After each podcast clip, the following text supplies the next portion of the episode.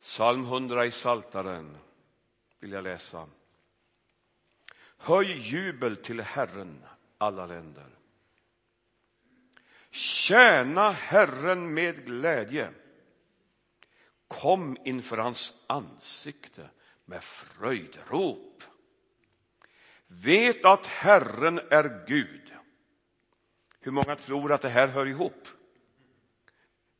Tjäna Herren med glädje. Det hör samman med att du vet vem du tjänar. Du har en tydlig bild av vem han är som du har gett ditt liv åt. Jag tar det igen. Tjäna Herren med glädje. Kom inför hans ansikte med fröjderop.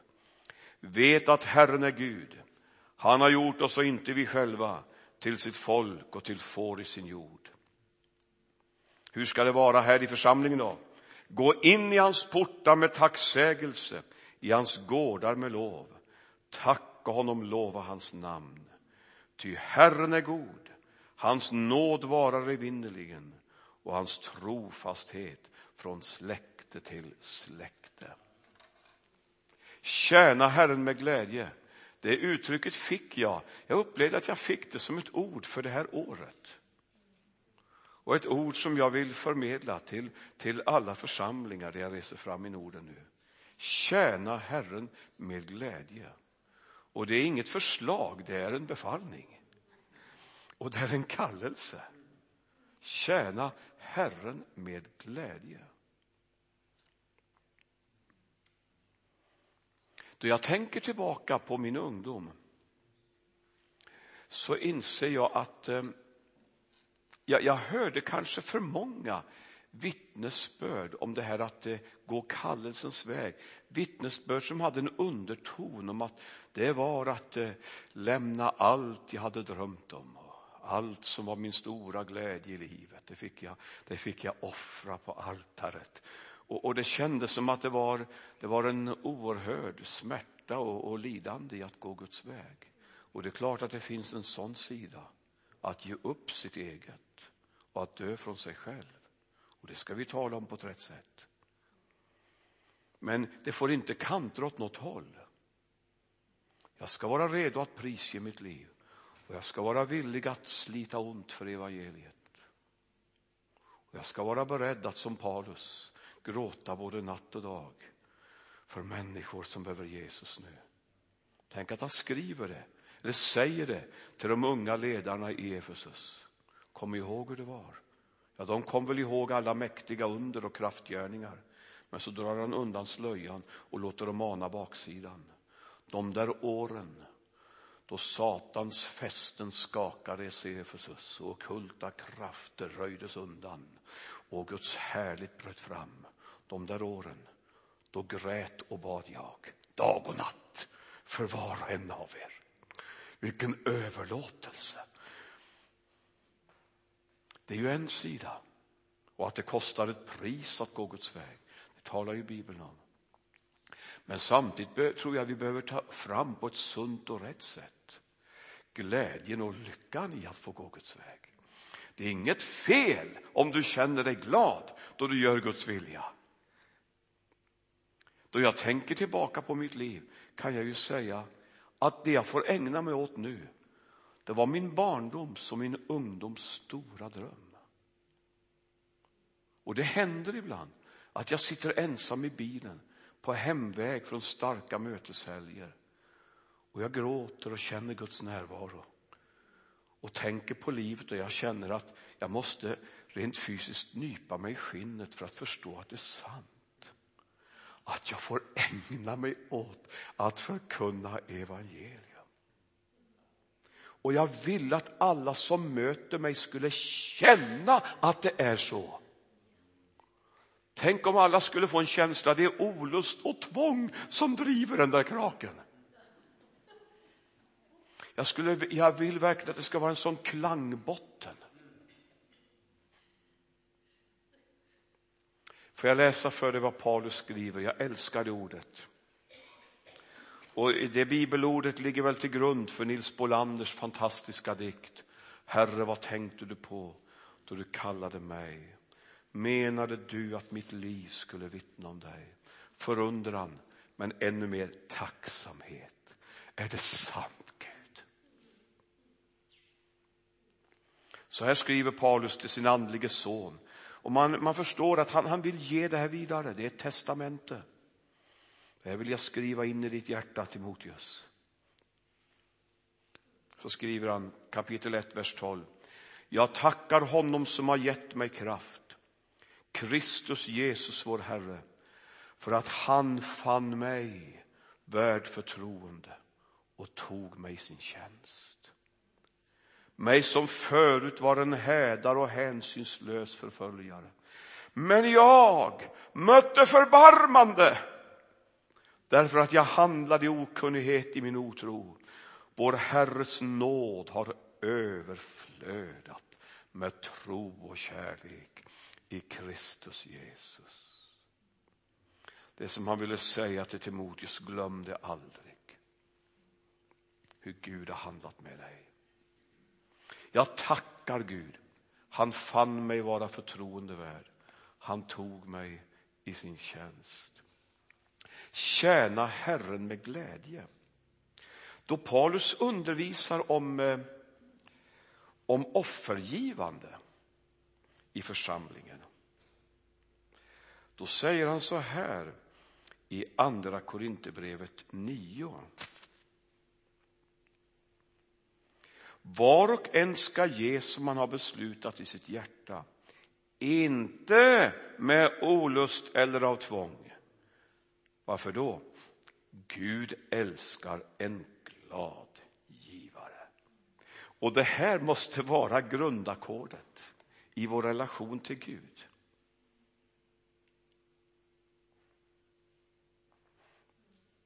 Då jag ger honom min lovsång så gör jag det för att hjärtat flödar över. Jag ger honom min tid och min kraft så är det inte, är det inte driven av fruktan utan därför att det är i glädje jag vill ge honom mitt liv. Som ett enkelt gensvar på hans kärlek. Tjäna Herren med glädje. Det, det, låter oss ana, där får vi pröva oss också om det är rätt drivkraft och rätt motiv. Det kan ju vara behov av självhävdelse och annat som får en, en religiös eh, ytterklädnad. Tjäna Herren allt jag gör för Gud och i hans rike. Det ska vara en naturligt utflöde av lovsången, tacksägelsen och glädjen jag bär i mitt hjärta. Tjäna Herren med glädje. Vi, jag hörde ofta undervisning när jag var ung om att det här att pröva kallelsen, att förstå Guds vilja. Och då var det väldigt vanligt att, eh, att en tydlig prövosten är, det är, det är Guds frid. Känner du frid? Genererar det här frid i ditt hjärta, då är du på rätt väg. Och det är ju sant. Och det är lika sant att ta ordet glädje som prövosten. Genererar det här glädje? Då jag rör mig mot det som Gud har berättat för mig. Då förlöser det lovsång och glädje, tro och förväntan. Och det innebär att det är alltid en vandring ut i allt större frihet. Tjäna Herren med glädje. Det finns mycket som vill hindra oss att tjäna med glädje. Det är klart att eh, har fruktan grepp om, vår, om vårt liv, då kan det istället nästan bli panikångest då vi ska tjäna honom istället för glädje. Eller lagiskhet, felaktig pliktuppfyllelse. Fokus på oss själva. Min egen prestation. Hörrni, jag tänkte, jag ska inte säga så mycket. Det finns så många bilder i Bibeln som man kunde lyfta fram. Men idag så tänkte jag på hur det var då Jesus sände ut 72 lärjungar. Har ni läst om det? I Lukas kapitel 10. 72, han sänder ut dem två och två. Vilka härliga team. Och de ska röja mark. De ska bana väg för Jesusrörelsen i landet. Vilket profetiskt uppdrag. Ni ska gå ut och förbereda städerna och byarna. På mitt besök. Vilket förtroende! Och så går de ut två och två. 72 åt alla väderstreck ut i städerna.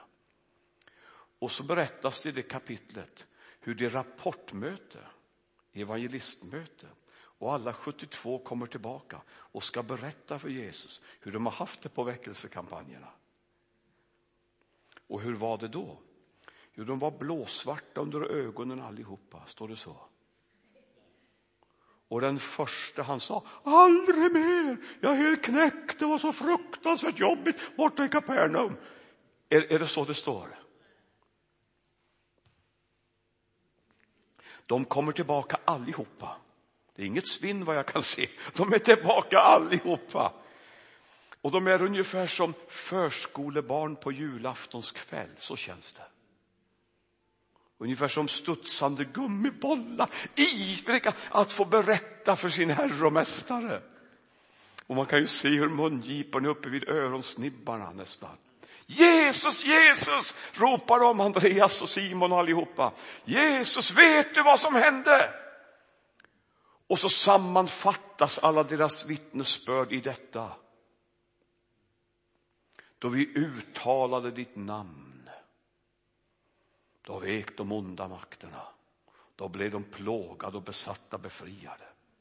Till och med demonerna var oss underdåniga i ditt namn.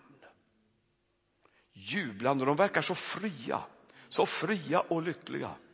Och vad de varit med om, en segerrik tjänst.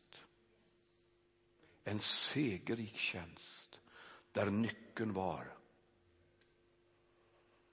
en övernaturlig visdom att förmedla Jesus namnets kraft. Vad mäktigt. Vi drev ut de onda andarna. Vi såg hur bojor föll till marken. Vi såg människor bli befriade. I ditt namn, Jesus. Att vandra i hans triumftåg, det gjorde de väl redan före pingsten i det uppdraget. De vandrade i triumftåget genom städerna och proklamerade Jesu namn. Han hade gett dem mandatet och auktoriteten. Och Jesus tar inte glädjen ifrån dem. Han bekräftar dem. Det här är det naturliga tillståndet för den som tjänar mig. Det är utifrån en segerposition ni ska bygga mitt rike. Ni ska ha det onda under era fötter, det är så ni bygger mitt rike. Han bara tittar på mig, jag kan se hur, hur, hur god hans blick är. Han, han delar deras glädje, pojkar vad roligt. Och så är det som han säger, det är helt i sin ordning det här. Jag har gett er den makten att trampa på ormar och skorpioner och all ovännens härsmakt och så vidare. Det är den segerpositionen ni har. Tjäna mig med glädje. Behöver inte ens frukta Satans attacker. Och så säger han i nästa andetag, men gläder inte över att andarna lyder er. Gläd er över att era namn är skrivna i himlen. Pojkar, rätt fokus. Rätt fokus. Även i de stora helbrägdagörelsemötena, rätt fokus hela tiden.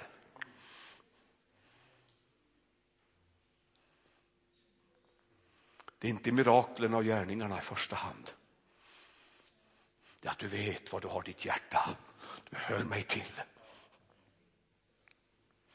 Tjäna Herren med glädje.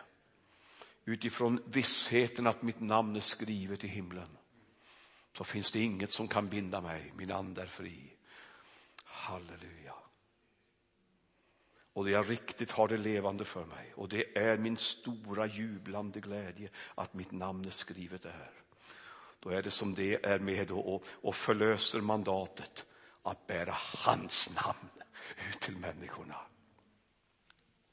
Sen står det någonting intressant i det sammanhanget. Lukas kapitel 10. Det står att då Jesus har sagt det här, står då, då står det i samma stund uppfylldes Jesus med jublande glädje i den helige ande. Och jag tycker det är ett sånt underbart uttryck. Och så brister han ut i en lovprisning till sin himmelske far. Och det som fyller honom också med en sån oerhörd glädje den stunden, det är att Gud har utvalt de enkla. Och det som på det sättet bekräftar han dem, ni enkla fiskar, pojkar och tullmän. Åt er har han gett himmelrikets nycklar. Och han brister ut i glädje. Och det ordet skulle jag vilja att du hade med dig hem idag. Tänk på att Jesus var glad då han gjorde sin himmelske faders vilja.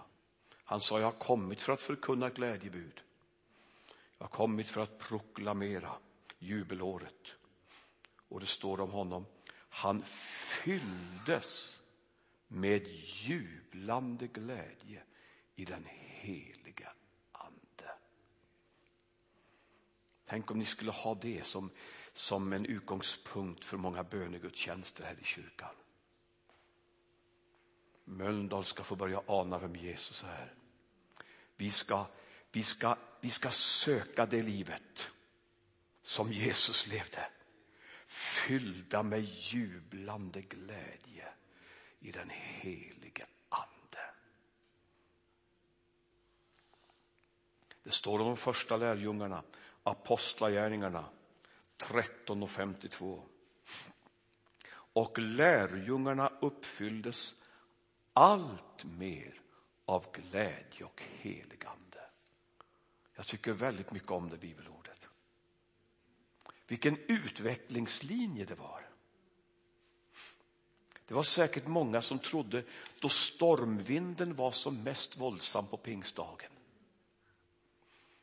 Så var det säkert en del gamla och kloka som sa att det lägger sig, det mognar. Och många menar att, att mognad på det andliga området, det är detsamma som att hänförelsen och den smittande glädjen och entusiasmen plockas ifrån oss.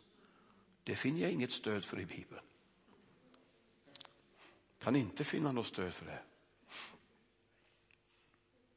Men säkert var det många som tänkte det mognade, lugna ner sig. Nej du, det blev bara våldsammare.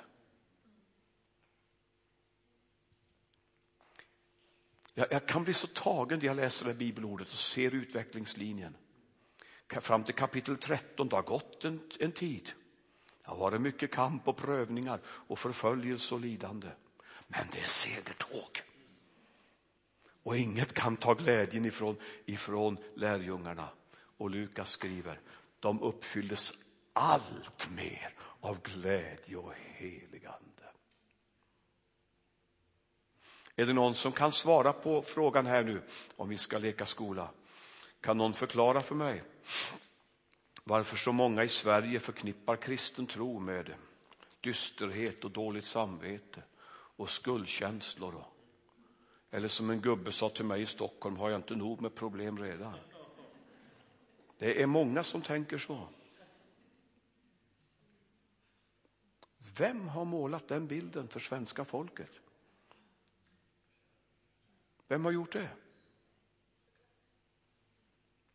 Och ni kan tycka det låter konstigt, tokroligt, men jag citerar en gammal missionspastor som sa så här med tårar i ögonen till församlingen. Det har blivit så allvarligt för mig att vi måste vara glada. Och han menade, eh, jag känner sån nöd, menade han. Vi måste, vi måste komma ut i det livet. Och det är bara då som, som, som det här blir ett budskap som befriar de fångna. Amen. Är det någon som vet att andedop och glädje hör ofta samman? Starka andliga genombrott och glädje.